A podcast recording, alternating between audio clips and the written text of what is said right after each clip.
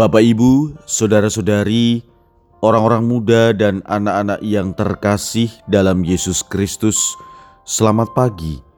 Salam bahagia dan salam saroja untuk kita semua. Berkah dalam. Bersama dengan saya, Romo Antonius Garbito Pambuaji, menyampaikan salam dan berkat Allah yang Maha Kuasa dalam nama Bapa dan Putra dan Roh Kudus. Amin.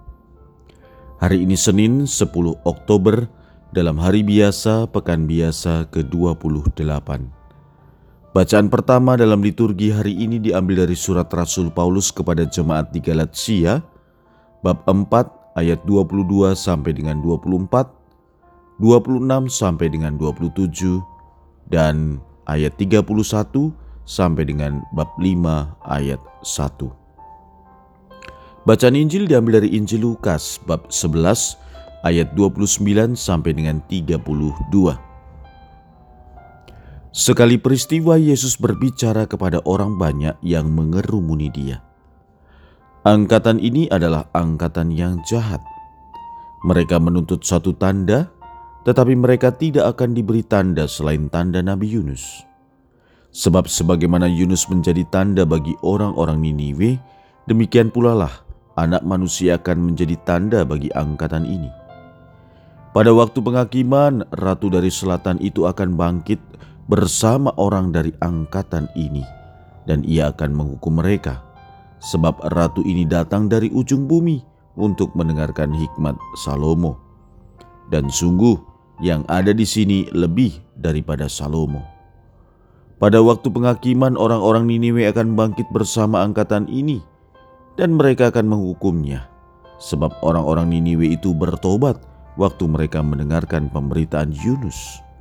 Dan sungguh yang ada di sini lebih daripada Yunus. Demikianlah sabda Tuhan. Terpujilah Kristus. Saudara-saudari yang terkasih, kita sering kali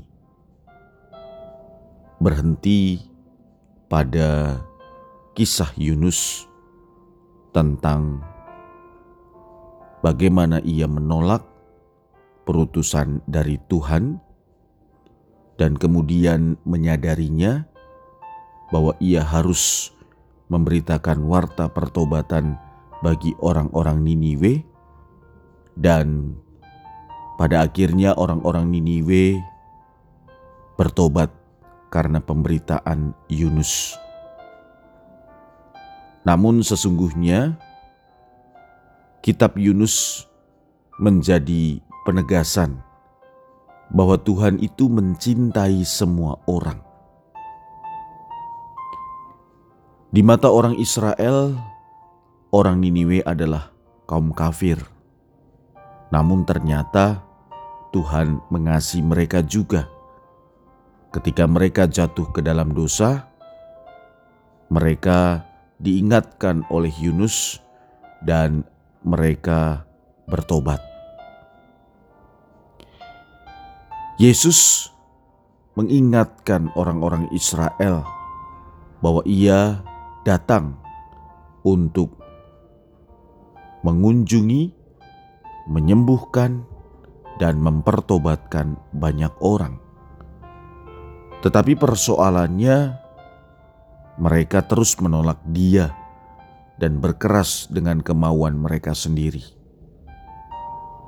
Itu sebabnya Yesus mengatakan, "Angkatan ini adalah angkatan yang jahat." Saudara-saudari yang terkasih, kita ini mengaku sebagai murid-murid Tuhan. Kita dikuduskan oleh Allah karena salib Tuhan Yesus. Maka pesan dari Injil hari ini mengajak kita untuk tidak berhenti untuk bertobat, tidak berhenti untuk melakukan perbaikan hidup hari demi hari, supaya hidup kita semakin sempurna. Yunus telah mengingatkan orang-orang Niniwe Yesus mengingatkan orang-orang Israel. Yesus mengutus Roh Kudus kepada kita.